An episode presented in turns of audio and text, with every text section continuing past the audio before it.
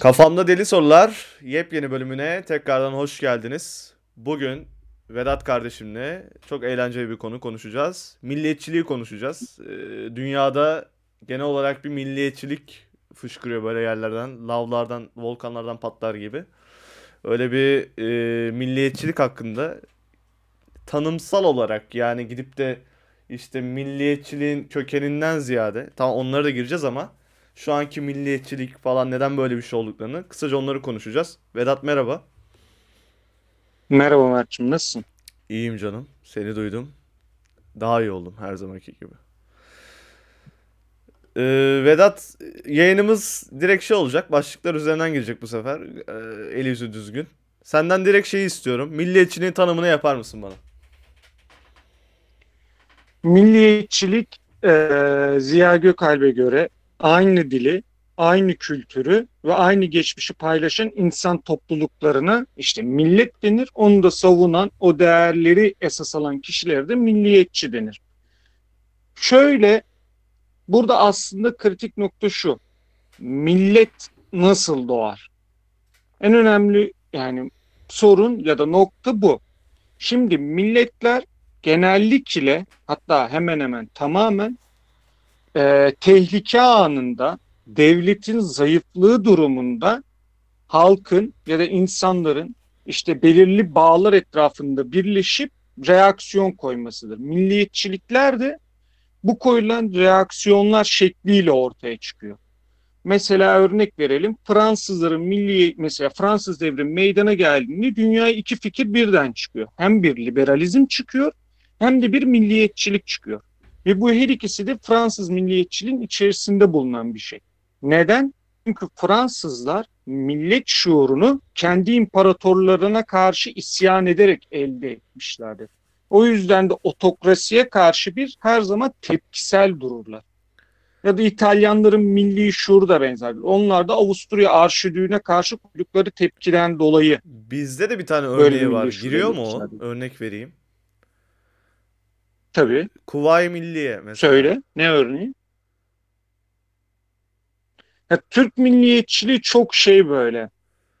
Her şeyi içinde barındırabilen bir done. Hani Türklerin nasıl desem geniş ölçekte yayılmasını ötürü ve Türk milliyetçiliğin doğuşu Avrupa'daki milliyetçiliklerden daha farklı olmasından ötürü kendi içerisinde çok farklı doneler barındırıyor. Hani onu hatta diğer bölümümüz olan hani Türk milliyetçiliğini irdeleme, Türk milliyetçiliğinin yükselişi bölümünde biraz daha değinirsem güzel olur diyorum. Yani Yok şey çünkü o ayrı verdim. bir konu biraz da. Milliye döneminde Hı hı. işte Türk milleti işte emperyal güçlere karşı birlik olup onları def etmek için savaştılar ya o yüzden öyle bir örnek verdim. En başında bir tanım yaptığın için.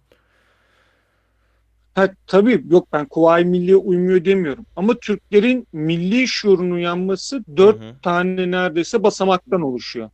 Yani şöyle ondan kalıp ötürü olarak oluyor ama Milliye- iç e, içeriğine bakınca çok farklı diyorsun kısaca. Aynen, Anladım. aynen. Türk milliyetçiliği Almanya ya da Fransız milliyetçilikleri ya da Avrupa'nın diğer milliyetçilikleri gibi değil. Hı hı. Çok daha böyle kendi içerisinde farklılıklar barındırıyor. O zaman e, tanımını e, yaptık değil mi sana göre? Yeterli gayet tanım olarak. Bir de son bir şey daha ekleyeyim o zaman bu başlığa. Hı hı. Şöyle, eee, bana göre en azından bu tanım, şöyle bir atıfta bulunarak yapayım. Karl von Clausewitz Savaş Üzerine isimli eserinde şöyle der. Orduları birbirleriyle savaşan bireyler şeklinde değil, birbirleriyle savaşan iki insan şekliyle düşünün. Eee, yani oradaki bütün bir ordu aslında bir insan, karşı taraf da bir insanmış gibi düşünün. Ben milleti de biraz daha böyle görüyorum. Ee, mes şundan dolayı kişiler bireyler olarak kendi içerisinde kompleks düşünce davranışları geliştirebilir. Aslında tutarsız gördüğün davranışlar meydana getirebilir. Bunun aynı şekliyle de milletler de kendi içerisinde tutarsız görünen davranışlar bir araya getirebiliyor ve daha basit yine aynı bu örnek üzerinden ilerlersek nasıl bireyler kavga ettiği zaman birbirlerine küsüyorsa milletler de birbirleriyle savaştığı zaman birbirlerine küserler. Ve o kolay onarılabilen bir şey değil. Tıpkı bireylerinki gibi. Hı hı. Hani ben öyle bir bağlantı kuruyorum. şahsen. Doğru, doğru. Yani başka bir şey. Ee, o zaman e, başlık başlık gideceğimiz için ben biraz şey yapıyorum. Tabii. Ee, asıl diğer başlığımıza geçelim. Milliyetçilik nasıl doğmuştur? Oraya girelim. Ya şöyle, e, şimdi günümüzdeki bilim insanları, daha doğrusu sosyal bilimciler, bunun için çeşitli tanımlar ya da çeşitli başlangıç noktaları koyuyor. Kimileri diyor ki tüm tarih boyunca hani ırk kavramı üzerinden gelen bir şekilde bir millet ve milliyetçilik tavrı vardır diyor. Bu daha yeni, e, bu İkinci Dünya Savaşı sıralarında falan işte daha evvelinde gelen bir fikriyat. Hatta Hı hı. kimi tarihçiler, sosyal bilimciler der ki Fransız milliyetçiliği, şey Fransız devrimiyle beraber milliyetçilik doğmuştur. Milliyetçilik tamamıyla modern bir ideolojidir. Bu yüzden de teknoloji veya zaman ilerledikçe milliyetçiliği de aşacağız der. Bu farklı bir görüştür. Bir de kimileri de der ki etnosembolistler vardır. Bu da soy sembolleri üzerinden ilerletir. Ve onlar da der ki işte millet doğduğu zaman kendi bir sembollerini geliştirir ve o sembollerin doğmasıyla beraber o millet doğar. İçgüdüsel bir şey yani. olaya. Aynı ya üçüncüsü yarattığın kültürün sembolleriyle beslenen bir şey. Hani eğer o kültürü korudukça da o millet korunur der. Yani günümüzde bakınca her e, ne derler imparatorluk mu şey mi topluluk mu dersen hep bir simgeleşme vardır yani. Aslında bu şeyde e, duruma da uyuyor demek istediğin şeye. Ya uyuyor çünkü özellikle bu etnosembolistlere falan baktığımız zaman yani daha çok uyuyor. Çünkü hani şimdi normalde örnek verelim. Fransız mi- devrimiyle beraber doğsaydı milliyetçilik o zaman şu uymuyor. Türkler özellikle İslam öncesi döneminde çok fazla milliyetçi. Göktürk kitabelerine bakıyoruz. Arada belki de 200 yıllık bir mesa hani süre olan bilgiler aktarılmış. Sözlü olsa bile. Hı hı. Hani ne, diyor ki orada işte Atam Bumin Kaan ve İstem Yapgu diyor. Aralarında 200 yıl falan fark var bu. Hani yazılı kaynağın pek olmadığı bir topluluk için 200 yıl boyunca bir bilgiyi aktarabilmek çok büyük bir mesele. Ya da işte Abbas İmparatorluğu'nun kendi içerisinde Türklerin kadrolaşıp sonra halife falan öldürmeleri.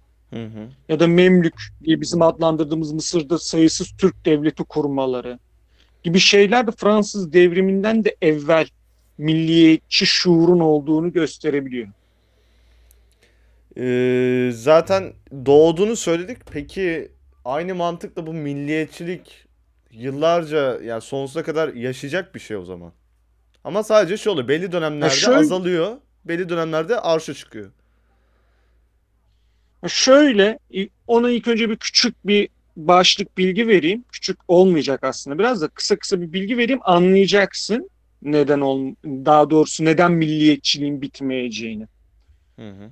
Şöyle şimdi milliyetçiliğin bir dört tane bunlar ayrı ayrı birbirlerinin altlı üstü değil de dört tane bir başlığı var basitçe işte liberal milliyetçilik, muhafazakar milliyetçilik, şey emperyalist milliyetçilik ya da kolonyalist derler ya da anti-kolonyalist, anti-emperyalist milliyetçilik derler. Bunları da örnek verirsek liberal milliyetçilik, Fransız ya da İtalyan milliyetçilikleri, muhafazakar milliyetçilik, Alman milliyetçiliği, e, İngiliz milliyetçiliği, emperyal milliyetçilik, şey anti-emperyalist milliyetçilik de İran milliyetçiliğidir.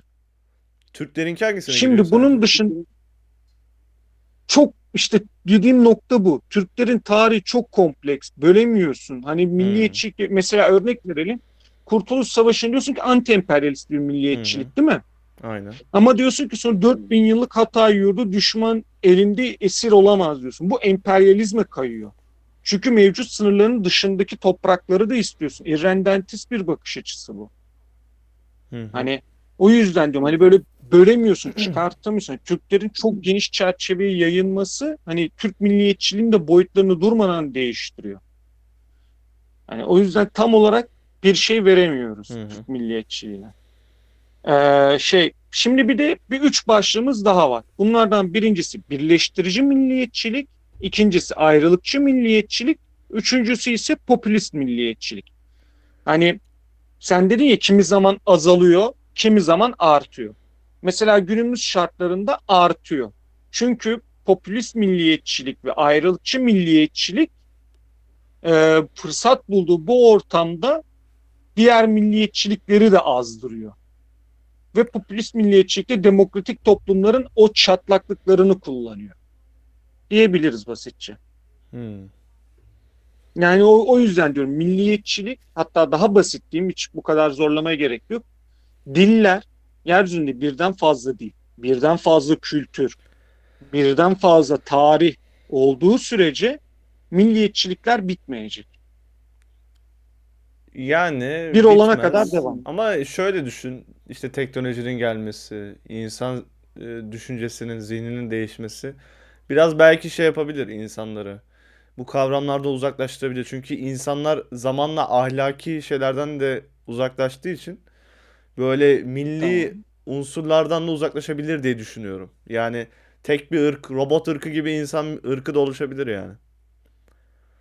Burada işte kaçırılan nokta şu. Dünyanın belki de yüzde doksanı Almanya gibi ülkelerde yaşamıyor. Amerika, Almanya, Kanada'da yaşamıyor. Hı hı. Tehdit algıları hep değişiyor. Ya da yaşanılan hayat şartları, hayat standartları yani bunlar değiştiği için zaten bitmiyor. Yani buna nasıl diyeyim? Neden mesela örnek veriyorum? Çin nasıl yükseldi mesela iktisadi açıdan? Kendi ülkesini yatırıma açtı, değil mi? Hı hı. Hani tüm dünyanın bir kere hani öyle ne bileyim tek bir robot gibi bir insan ırkına dönüşebilmesi için tüm dünyanın eşit bir şekilde altyapı hizmetlerini tamamlamış. Ondan sonra üst yapı hizmetlerini tamamlamış. Irklar birbirleriyle tamamıyla karışıp melezleşmiş modern çağda. Bunun dışında başka ne örnek verebiliriz? Yani kültür seviyesi, medeniyet seviyesi yukarıya çıkmış gibi çok fazla şartı var tek bir insan ırkına dönüşebilmesi için. Hı hı. Yoksa hiç beklenmedik yerlerden milliyetçilikler patlıyor hani ve o da dünyayı çeviriyor. Ki bunun dışında farklı etkenler yine milliyetçiliğin pek bitmeyeceğini gösteriyor. Yani en azından benim Yani benim görüşüme dediğim zaten üt- ütopik bir şey. Olması çok zor. Ancak şöyle olur. İşte Elon Musk beyefendinin Mars'a bir koloni kurma olayı var ya mesela. Koloni kurunca Mars'taki hı. insanlar milliyetten çok ırkçılık olacaklar. Yani biz insan ırkıyız hesabı. Yani gidip de ben Türk'üm sen Amerikalısı falan. Oradaki kolonileşmede olmayacaktır diye düşünüyorum en azından. Belki de Peki onlar gerçi. şu soruyu sorarlarsa kendilerine işte bak bu yine milliyetçilik tanımının eksik bilinmesinden hani milliyetçilik kendi içerisindeki yapıların bilinmemesinden dolayı kaynaklı. Mesela Mars'a yerleşen insanlar da kendilerini biz Marslıyız sorusunu ortaya çıkarıp siz de dünyalısınız deyip bir anda güneş sistemi içerisinde bir milliyetçi tavırlar doğarsa Olabilir. Böyle düşünmemiştim. Çünkü şimdi şöyle hani demin bir üç başlık vermiştim hatırlıyor musun? Ee, birleştirici milliyetçilik, ayrılıkçı milliyetçilik ve popülist milliyetçilik. Şimdi burada mesela tam bu konuya gelmişken mesela ayrılıkçı milliyetçiliğe örnek vereyim. Ay yani ilk şöyle hatta daha basitten vereyim. Genel olarak milliyetçinin kendi içerisinde çeşitli basamakları var. Herkes bir doğal olarak hatta yanlışlayamadığın tanımlar da getiriyor ekstra. Örnek vereyim. Kimileri diyor ki belli bir soy bağcına bağlı olan ve belli bir teritorialda, bölgede yaşayan insanlardır o millet diyor. Hı hı. Ya da işte kimileri diyor ki atıyorum aynı mesela işte Ziya Gökalp'in dediği gibi demin bahsettiğim gibi aynı dil, aynı kültür, aynı geçmişi paylaşan insanlar. Mesela bu milli millet tanımını territorial'dan çıkartıyor. Çünkü Türk, Ziya Gökalp Türklere göre bir millet tanımı geliştirdiği için Türklerin de geniş bölgeleri yayılmasından ötürü territorial bir tanım getiremiyor. Hı. Ama mesela Kürtler ne diyor? Biz diyor hep burada yaşıyorduk diyor. Yani Kürtler kendi millet tanımında bir territorial savunuyor. O yüzden de o territorial'ın Kürdistan olduğunu iddia Ya Bir ediyorlar. coğrafyaya dayalı bir da- milliyetçilik var yani. Aynen çünkü yani milliyetçiliğin olayı bu. Milliyetçilik çünkü insana dayandığı için ve insanlar da her zaman için birbirleriyle bir olmadığı için ya nasıl bireyler herkes bir birey farklıysa milletler de birbirinden farklıdır. Bundan ötürü de milliyetçilik tanımları da çok fazla değişiyor. Mesela yine örnek verelim. Ermenileri sorsan sen Türk değilsin der. Neden işte atıyorum neden Moğol'a benzemiyorsun? Niye gözlerin çekik değiller değil mi? Hı hı. Çünkü Ermenilerin Ermenistan diye koydukları o şu an günümüzdeki özellikle küçük bölge ticaret yollarının dışında. Bu da ırk kavramında onların çok fazla başka ırklarla iç içe geçmesini engellemiş. Yani onlar kendi şartlarını bize dayatıyor burada. Yani mesela Türklerden örnek verelim. Türklerde niye ırkçılık yükselmiyor? Çünkü Türkler tarih boyunca birinci Göktürk ve ikinci Göktürk Kağanlığı dışında modern devletleri saymıyorum. Kurduğu hemen hemen bütün devletlerin tamamında azınlık. Osmanlı'da da azınlık, Büyük Selçuklu'da da azınlık, Memlük'te de azınlık, neydi? Babür İmparatorluğu'nda da azınlık, Asya Hun Devleti'nde azınlık, Avrupa Hun'da azınlık. Hep azınlıkta oldukları için ırkçı tavır gerçekleştiremiyorlar. Bir de çok dağıldıkları için yine ırkçı tavır gerçekleştiremiyorlar. Hani o yüzden Türklerde ırkçılığın yükselmesi kolay iş değildir. Hani büyük başarı. Ya bir de Aslında büyük Türklerdeki şeyi konuşmuştuk ya. e, köle mantığı falan da yok ya. Biraz o Hı da hı. etkili olabilir yani. Ne olabilir İnsanı bir ezme şeyi şey yok çünkü hiçbir zaman Türklerde.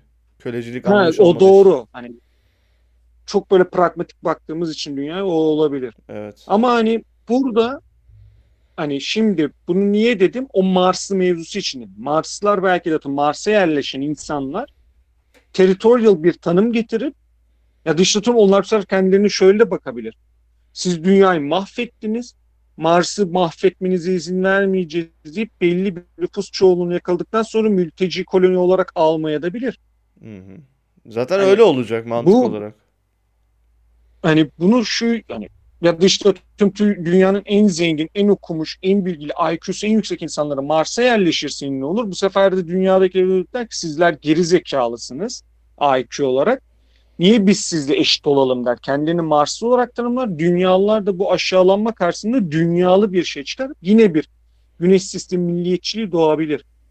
Hani milliyetçilik hep böyle şeylerden beslenir. Çok kolay yükselir milliyetçilik. Yani gerçekten aslında güzel bir film fikriymiş bu arada. ha. Güzel bir senaryo çıkabilirmiş bundan. Ya çıkar belki. Marslılar ve Dünyalılar Savaşı. Öyle. Şimdi eee, şöyle bir şeyden örnek, şöyle şu demin verdiğim başlıkların biraz içeriğini doldurmak istiyorum. Hı hı. Şu hiçbir zaman unutulmasın. Milletlerin davranışları korkularla başlar. Hani kimse durduk yere hani şöyle bir tavır çıkmaz. Biz Türk'üz ya da işte atıyorum biz Arabız ya da işte atıyorum biz şuyuz diye üstünlük pozisyonu kolay kolay doğmaz. Ya kendi çıkarlarını korumak için başla, başlar bu yahut kendini korumak için başlar. Mesela em- emperyalist milliyetçiliğin tavırlarından birisi şudur.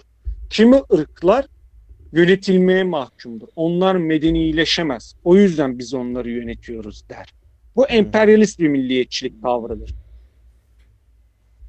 İşte, e, neydi mesela korku özellikle Alman milliyetçiliği mesela çok saldırgandır değil mi? İşte hı. atıyorum Birinci Dünya Savaşı'nı patlattılar, yetmedi İkinci Dünya Savaşı'nı patlattılar vesaire. Peki neden? Çünkü Almanlar Fransız Napolyon işgaline kadar Alman diye doğru düzgün bir tanım yoktu. Hani Napolyon bunların içinden bir geçiyor. Bunlar korkmaya başlıyor. Diyor ki bizim her iki tarafımızda düz yani Fransa da bizi işgal edebilir, Rusya da bizi işgal edebilir. O zaman biz diyor birleşmeliyiz. Nasıl birleşmeliyiz? Biz Almanlarız diyor. Almanlar olarak birleşmeliyiz diyor. Barbarians dizisinde de mesela şey neydi onun kabile halinde yaşayan Almanlar kendilerine Alman demiyor. Latinler buna Germanicum diyor. Alman diyarı olarak adlandırıyor.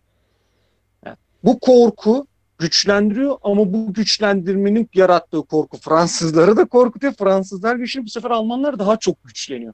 Ve o kadar çok korku burada büyüyor ki bir noktadan sonra şuna dönüyor. Eğer kavga başlayacaksa yumruk yiyen değil yumruk atan olayım mantığıyla korku savunma için başlatılan milliyetçiliği saldırganlaştırmaya da başlıyor. Ve onunla alakalı kendi literatürünü, kendi propagandasını geliştirmeye başlıyor. Türkiye'de de bu var mesela. Türkiye'de neden bitmeyen bir milliyetçilik tip dalgası var? Sadece içten gelen bir şey değil bu. Yunan diyor ki senin toprağını istiyorum. PKK Kürdistan diyorum diyor. Ermenistan Büyük Ermeni ya, Büyük Ermenistan ya da işte ne bileyim Ermeni soykırımı diyor. Ruslar bir ara boğazlardan üs istiyor. Arapların isyanı var. Ve bu bitirmiyor Türkiye'deki Avrupalılar zaten Yani Türkiye'nin haritasını bir eksik eksik öğretiyorlar durmadan inatla. İşte bunlar hep mesela Türkiye'de milliyetçiliğin yine bitmeyeceğinin basit göstergelerinden. Hı. Hani çünkü korku var onda da. Hani ondan ötürü. Hani korku milliyetçilikleri. Odur muhafazakar milliyetçilikte de korku şuna çevirir işi. Ben benden olanı korumalıyım. za- zaten emperyalist, anti-emperyalist isminden anlaşılabiliyor. Ona hı. çok da bir şey girmeye gerek yok diye düşünüyorum. Birleştirici milliyetçilikler ise Fransız devrimiyle birlikte ortaya çıkan belli bir ulusal sınırın içerisindeki her etnik grubun ana milletin vatandaşlık kimliğiyle birleşmesidir. İşte hani bizde mesela vardır ya Türk vatan, işte Türkiye Cumhuriyeti vatandaşı olan herkes Türk vatandaşıdır. Bu aslında Fransız devrimiyle birlikte ortaya doğum çıkmış ana kimliğin, Türkler ana olduğu için Türkiye'de mesela, ana kimliğin öz, e, ismi vatandaşlık şeklinde indirilmiş ve kapsayıcı hale getirilmiş. Diğer etnik kökenlerin de o kimlik etrafında birleşmesi istenilmiş. Bu ma- maddi kısmı. Hı. Manevi kısmı da işte ülkedeki etnik kimliklerin belirli bir ruh etrafında bir araya gelmesi. Atatürk burada mesela Türkiye için manevi kısmı Jean-Jacques Rousseau'nun işte toplumsal sözleşmesine dayandırmak istiyordu. İşte eşitlik, adalet, özgürlük gibi kavramlara dayandırmak istiyordu. Olmadı. Bunun yerine manevi ruhu İslam doldurmaya başladı Türkiye'de. Hani bu, bu da Türkiye'de böyle bir ambiyans yarattı mesela. İş, e, neydi onun adı? Ayrılıkçı milliyetçilik de adı üzerinde. Ayrılıkçı milliyetçilik aslında birleştirici milliyetçiliğin çatısı altında kimliğini kaybetmeyenlerin direnişi gibi düşünebiliriz. Hı hı. Bunlar da liberal ortamlardan, özgür ortamlardan beslenip şey diyorlar, benim de bir kimliğim var, benim de bir kültürüm var diyor. Ve bunun va-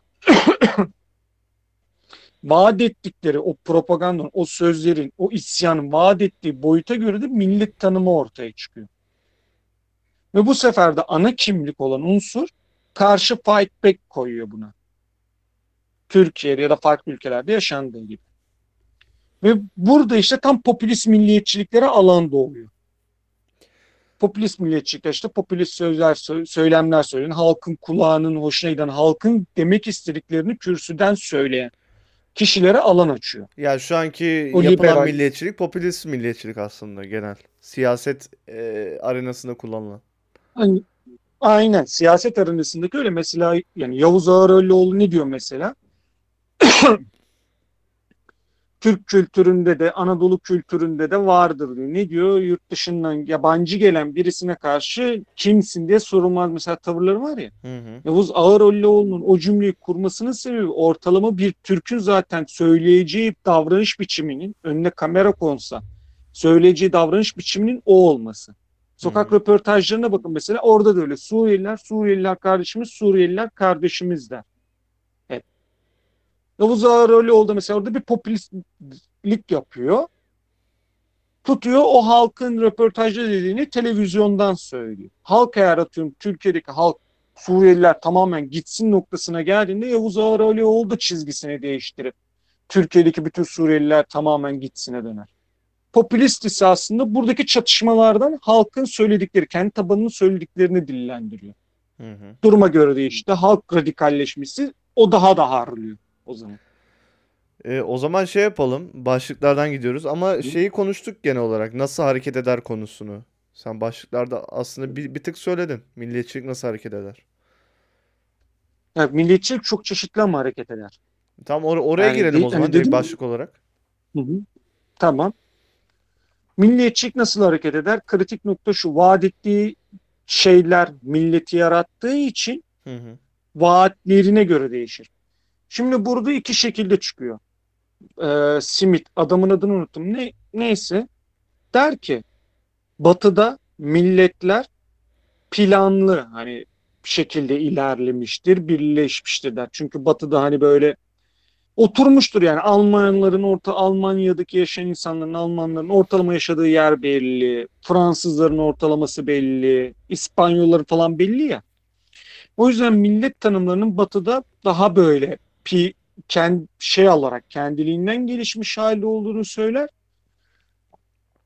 Ve milletin düşüncelerinin daha bir esas alındığını söyler. Doğuda ise milliyetçiliğin etnik tanıma daha çok kaydığı söyler. Bu yüzden de atıyorum bizde özellikle milliyetçilik milleti doğurur.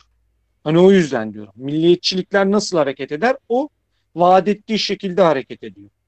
Türkiye'de işte mesela seküler milliyetçiler yükselişe geçmeye başladı. O zaman da milliyetçilik doğal olarak işte seküler vaat yani milletin üstünde konumlandırıyoruz. Şimdi seküler milliyetçilik ne oluyor tam? E, Şimdi seküler laik demek yanlış bilmiyorsam. Yok değil. Değil Değil. mi? La, layık kamusal alanda herhangi bir dini bir şeyin olmasını yasaklar. Hı hı. Seküler ise kamusal alanda herkesin kendi dini değerlerini istediği şekilde yansıtabilmesini savunur. Hmm. Yani Okey. s- şey sekülerle layık birbirinden ayrı şeyler. Ama ya Şimdi mesela akraba gibi. seküler milliyetçilik doğuyor. Efendim? Biraz akraba gibi yani sekülerle laik bir tık. Aynen, aynen akraba akraba. Hani öyle çok uzak değiller birbirlerinden zaten. Hı hı.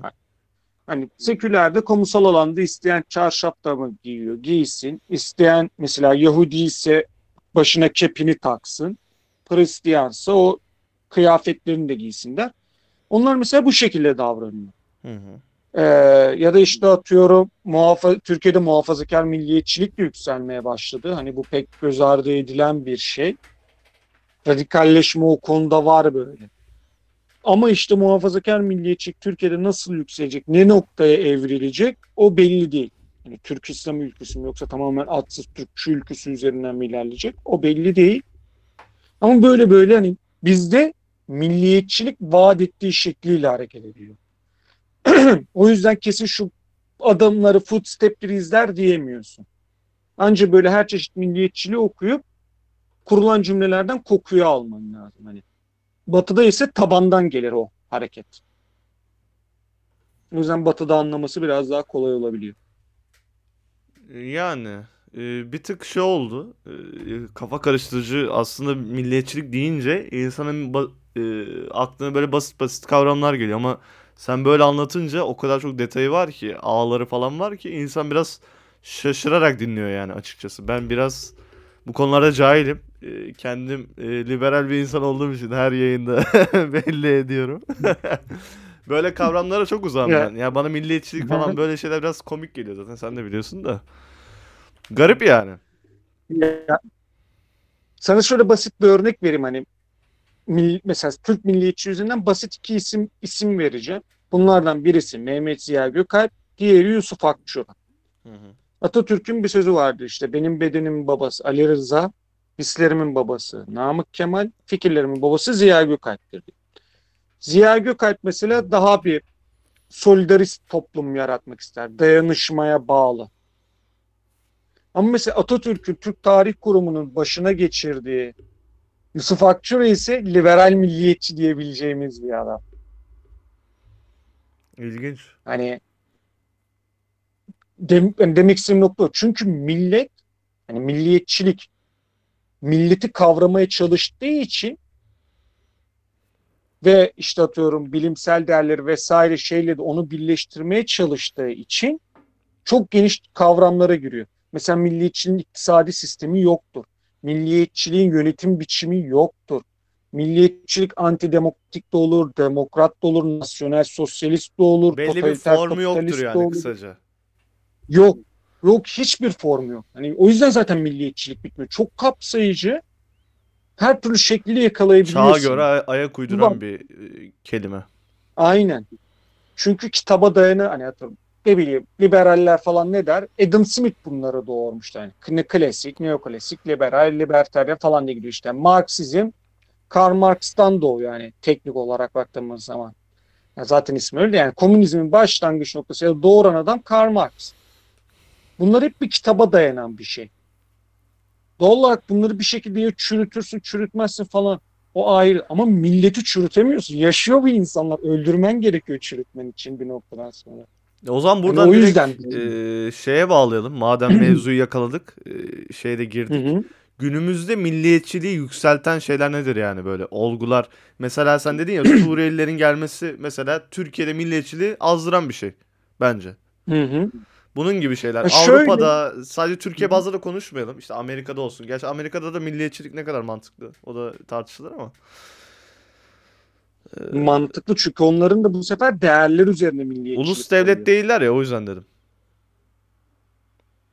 Yani hep Amerikan milliyetçiliği hakkında bir şey bilmiyorum da sonuç olarak onlar da değerler üzerine bir milliyetçilik yapabilirler. Hani milliyetçilik çok çeşitli bir şey. Hani insanı tamam genel olarak soya dayanır milliyetçilik. Çünkü ortada baskın bir şey olması lazım. Ama Amerika'nın en büyük avantajı mesela Amerika konu olduğu için herhangi bir ülke onların toprağında claim atamadıkları için kendileri bir one nation yaratabilme ihtimalleri var. Çünkü kendi teritoriallarını yaratıyorlar bu sefer. Kendi kültürlerini yaratıyorlar. Mesela atıyorum Amerikan soil dedikleri bir şey var değil mi? Hı hı. Atıyorum Amerika'da herkes fikrini söyler ya da atıyorum Amerika'da şu şu vardır. Anladın mı? Beni baskılayamazsın.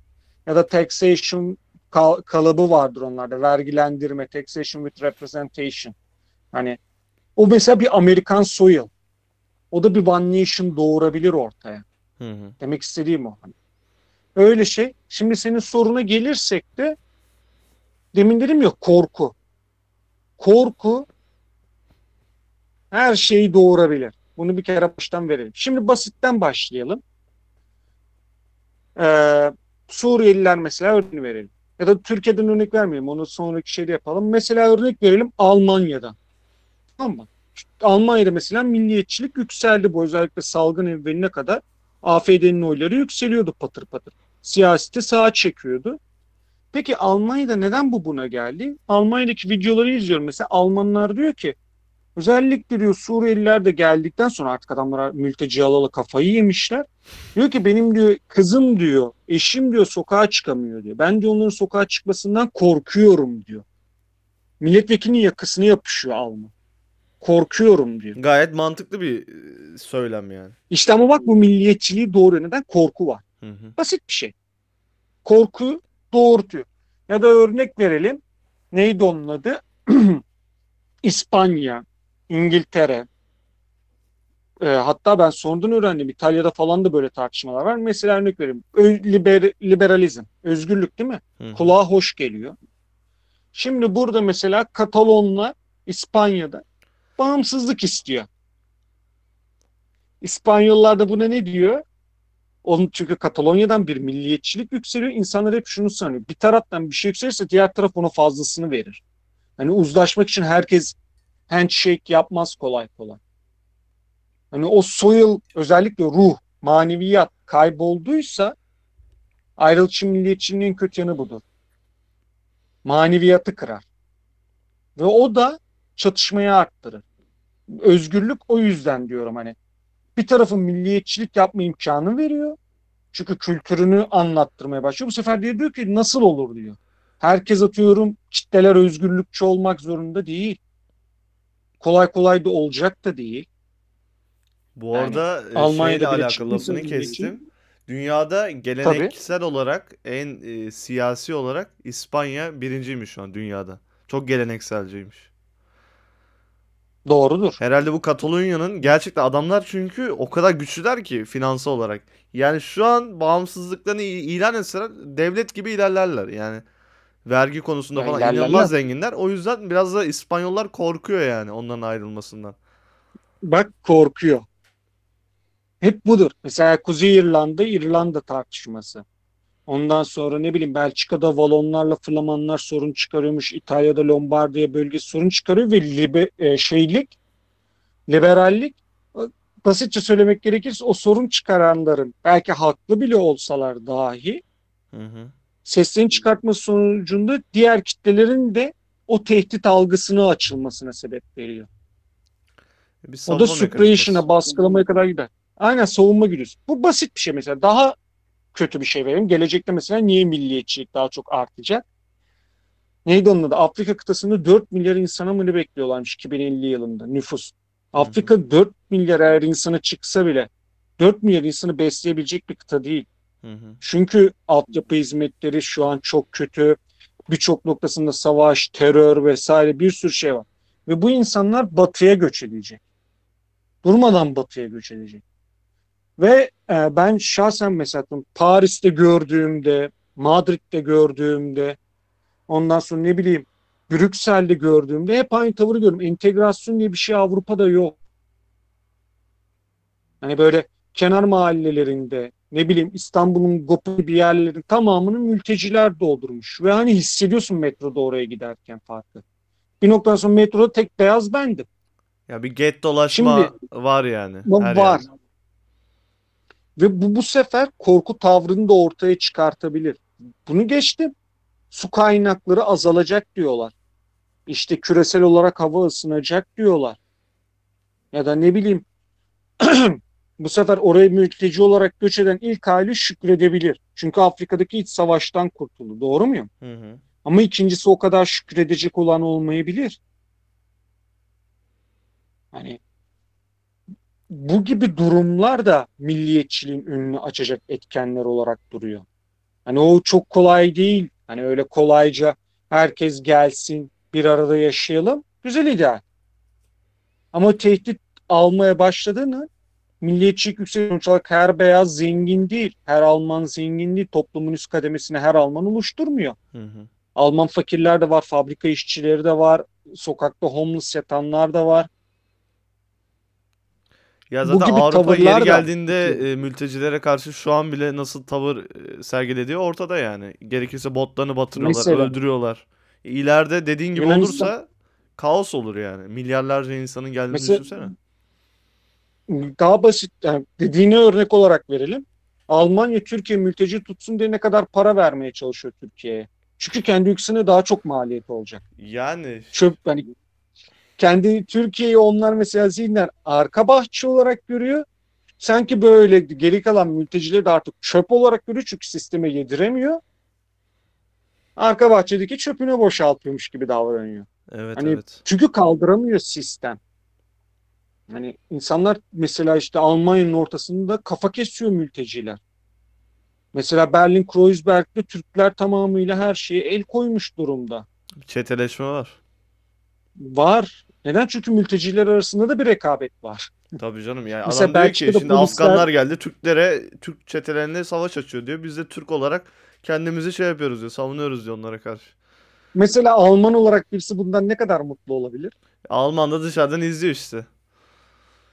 Mesela rahatsızlığı boyutlarından biri. Abi ya düşünsene ne senin sokağında bir tarafta Afganlar bir tarafta Suriyeliler çatışıyor. Sen de pencereden izliyorsun yani. Ne kadar mutlu olursun halinde. Sakarya'da bunlar Sakarya'da bunlar oldu. 5-7 Suriyeli girmiş. Neyse. Belçika'dan örnek vereyim. Belçika'da polisler mültecileri kimi mahallelerine giremediklerini söylüyor. Bayağı giremiyor. Polis giremiyor yani bu bir tepki doğurtur illa. Sonuç Hmm. olarak herkes öyle bunu alttan alacak pozisyonda değil. Ve Avrupa'daki şu an bile siyasette sağ eğilim var ise eğer ben siyaset uzmanı falan hiç takip de etmem Avrupa siyasetine dair bir şey de bilmem. Ama salgın evveli varsa ve bu salgın sürecinde bu durum eğer düzeltilmediyse salgın sonrası da bu devam edecek. Çin'in mesela tüm sanayi ürünlerini kendi ülkesine toplaması. Bu ne demek oluyor? Geri kalan ülkelerde sanayinin azalmasına sebep olacak. Çünkü kim bir buçuk milyar insanla mücadele edebilsin? E bu da bu sefer işi azaltacak. Doğru. Hani bir sürü çok etken var. Hani demek istediğim nokta bu. Hani herhangi bir korku pornosunun ucuna bile değen bir şey milliyetçiliği azdırabiliyor. Yani o yüzden diyorum milliyetçilik kalıbı yoktur, şekli yoktur. Milliyetçilik renksizdir, kokusuzdur. Nasıl geldiği anlaşılmaz. Bir gelir şok olursun. Ondan sonra elinde birden bayrak sallıyor olursun. Meydanlarda bulursun kendini. Hani tarihten örnek vereyim. Normalde Hitler 1928'de yüzde iki buçuk oy almıştı ya. Hı hı. Bizdeki Vatan Partisi kadar falan bir şeydi herif. Bir Yoksa iktisat, bir Türkiye'de de olabilir mi? Bilemeyeceğim artık. Bak bir iktisadi kriz bir yıl sonra erken seçi, bir yıl sonra seçim oluyor. Yüzde otuz oy verdiriyorlar. Yüzde otuz oy alıyor adam. Bir yılda. Kimse hiçbir toplum bir yılda çok şiddetli görüş değiştirmez. Hı hı. korku, sefalet, açlık, işsizlik, evlenememek. Bunlar basit sorunlar değil. Evlenememek bile büyük sorun. Tabii canım. Yani adam mesela örnek verip çok basit ya. Adam evlenemiyor mesela atıyorum. Beyaz bir kız. Çok basit bir etken ya. Çok basit. Beyaz bir kız gitti atıyorum mülteciyle evlendi. Adam evlenemiyor. Benim aklıma mı konuyorsun lan? Lavuk falan diye. ha, Bak çok basit bir etken bu. Mesela hani çok hani gerçekten diyorum bunu Afrika'da falan terör örgütlerinin birçoğunun ortaya çıkma sebeplerinden biri dört eş olayından ötürü evlenemeyen erkeklerin katılmasıyla güçleniyor terör örgütleri. Çok ilginçmiş gerçekten. Hani evlenmek bu gibi şeyler. O yüzden diyorum hani sen bireysel olarak bunlara kimse bakmayabilir. Ben bakmayabilirim. Ama kitlenin nasıl reaksiyon vereceği hiç belli Baba işte değil. domino taşı ya. En ufak parça en Hı. büyük taşı tetikliyor yani gide gide gide gide. Gide gide tabii tetikliyor. Aynen dediğin gibi öyle. Yani. İyi günlerde milliyetçi kimse olmaz. Ama hani sen böyle bir kızıyordun ya insanlar çıkarı diye. Hı hı. Kötü gün geldiği zaman nasıl işler değişiyormuş herkes Ya baba zaten e, dediğin gibi oraya çıkıyor yani zaten param varsa pulun varsa böyle şeyler aklına bile gelmiyor. Ne komünizm geliyor ne milliyetçilik geliyor. İşte, işte Tabii doğru. yani. yani bilmiyorum. Ya ben bir de şey madem buraya geldik biraz milliyetçiliğin şeyine tutuluyorum ben. İşte Türk milliyetçiliğinden bahsedeyim. Türkiye'deki milliyetçilik değil aslında. Hı. Milliyetçi takılan tayfa işte bu 80 darbesi öncesi Türkiye'de bir kaos vardı. Hı hı. Neden? Ee, o zamanki milliyetçiler de şeye düşmandı. İşte komünist Rusya'da e, olan şeyler işte bizi de komünist yapacaklar. Amerikan destekli yardımlarla Türkiye'de komünistleri öldürüyorlardı. O zamanki milliyetçilik de oydu mesela. Çünkü korku kavramı. Ama düşünsene Hani- adam orada komünisti vuruyor ama Amerika'nın desteğiyle vuruyor yani. O da bir ayrı bir enayilik mi dersin, bir şey mi dersin? Şöyle diyeyim ben sana o zaman. Hani bu enayilik değil. Hani bu ya şöyle hani sadece kılıç sallayarak ya da sadece idealist olarak ileri gidemiyorsun. Mesela Nazi Nazilerin Naziler iktidara geldi tamam mı? Birinci Dünya Savaşı'ndan kalma e, anlaşmadan ötürü anlaşmanın adını unuttum. Neyse. Yani Birinci Dünya Savaşı sonunda Almanya bitiren anlaşmadan ötürü orduları kısıtlıydı. Kendi ülkelerinin ordularına eğitim yaptıramıyorlardı, geliştiremiyorlardı, teknolojilerini test edemiyorlardı. Sence Naziler hangi ülkede ordularını geliştirdi? Nasıl yani? Sesim geliyor mu? Evet, Şu an ses ses 1 2. geliyor. Ha. En son soruyu sordum ondan sonra gittim. aynen soruya cevap veremedim. Ee, ne dedin? Naziler nerede şey geliştirebiliyor? Ordu. Ordularını geliştirdi. Nerede, hangi ülkeyle kullanarak, hangi ülkeyle anlaşarak Birinci Dünya Savaşı'ndaki ordularının eğitilme kısıtlamasını, miktar kısıtlamasını deldi. Hangi Osmanlı ülkeyle ile mi? anlaştı? Naziler diyorum Osmanlı olur mu Ha, sence? Birinci Dünya Savaşı dedin ama. Yok Birinci Dünya Savaşı bitiyor. Almanların ordusu kısıtlanıyor. Sahip olacağı ordu teknolojisi vesaire her şey kısıtlanıyor. Sonra Naziler iktidara geliyor. Bu anlaşmayı Hı hı. bir ülkenin yardımıyla deliyorlar. Bilmiyorum. Hangi ülkenin yardımıyla deliyor olabilirler? Bir düşün. Bir tane a shot yap. Direkt Rusya mı diyeyim ya? Aynen öyle. Sovyetlerle anlaşıyorlar. Na- Alman ordusu, Nazi ordusu Sovyetlerin içerisinde. Kendisini Sonra da en büyük düşmanı oluyor. Ya öyle. Tek so şey Sovyetlere de sanayi teknolojisi veriyordu. Ya. Yani ya da mesela Molotov-Ribbentrop neydi? Dilim, dilim de dönmeli işte. Anlaşması işte. Ne? Polonya'nın doğusunu Sovyetler işgal ediyor. Batısını Nazi Almanyası işgal ediyor. Baba işte bak diyorum Mesela- sana bu hep bu sosyalistlerin başından çıkıyor bu dünyanın sonu. Ya da mesela daha sana güzel bir örnek vereyim. Hitler ırkçıydı değil mi? Hı hı. Hitler'i deviren Winston Churchill de ırkçıydı. Hmm. Yani. Mesela İngi- İngiltere Churchill'in heykelini falan devirmeye çalıştılar o yüzden. Siyahiler vesaire. Evet evet o şey olayında. Ee. Black Aynen. Bir eylemde. Hı hı. Ben demek istedim anladın mı? Bu Hı iş böyle. Çünkü adam diyor ki milletimin çıkarını kim sağlıyor? Orada çıkar uzlaşmasına dönüyor olay. Hani güç bölümünde dediğimiz güç çıkar uzlaşması. Yani orada benim demek istediğim şey ya işte o dediğin gibi tamam okey korkuyla falan yapıyor da o an ama öyle bir gaza geliyor ki yani ne derler. Kim gelirse olsun ne olacağını düşünmeden hareket ediyor insanlar. Korku ortamı savaşı doğuruyor. Evet kaosu işte abi. doğuruyor. Yani gidip de Türkiye içinde kontra kontur gerilla mıydı neydi öyle bir yapılanma kuruluyor işte İtalya'da Gladio kuruluyor. Sırf komünistler için yani. Dünyanın her yerinde böyle böyle milliyetçilik e, adı altında örgütler kuruluyor. Yani korkunun büyüklüğünü tahmin edemeyiz. Biz komünist rejimle doğmadık. Yani. Ve Türkiye'nin yaşayacağı korkunun boyutu tahmin bile edilemez. Her iki taraftan kıskanılmış bir ülke. Hani amacım burada orada her insanı öldürdü, öldürülmedi vesaire. Hani benim amacım burada kan davası gütmek değil. Bunu baştan söyleyeyim. Benim burada amacım şu. Korku tepkiyi doğurur. Bunu yani herkes hep milliyetçiliği şey sanıyor. Ne bileyim Kürşat'ın gürsesiyle Tanrı Dağı'ndan inmek sanıyor mevzuyu. Kitleler tamam marşları sever. Bunları böyle bir havaya sokar. Ruha sokar. Ama neydi onun adı? Hepsinin bir sebebi var abi. Korkudan besleniyordu bir sistematik bir ruh. Mesela örnek vereyim. Türklerle niye Balkan ülkeleri bir daha bir olamayacak?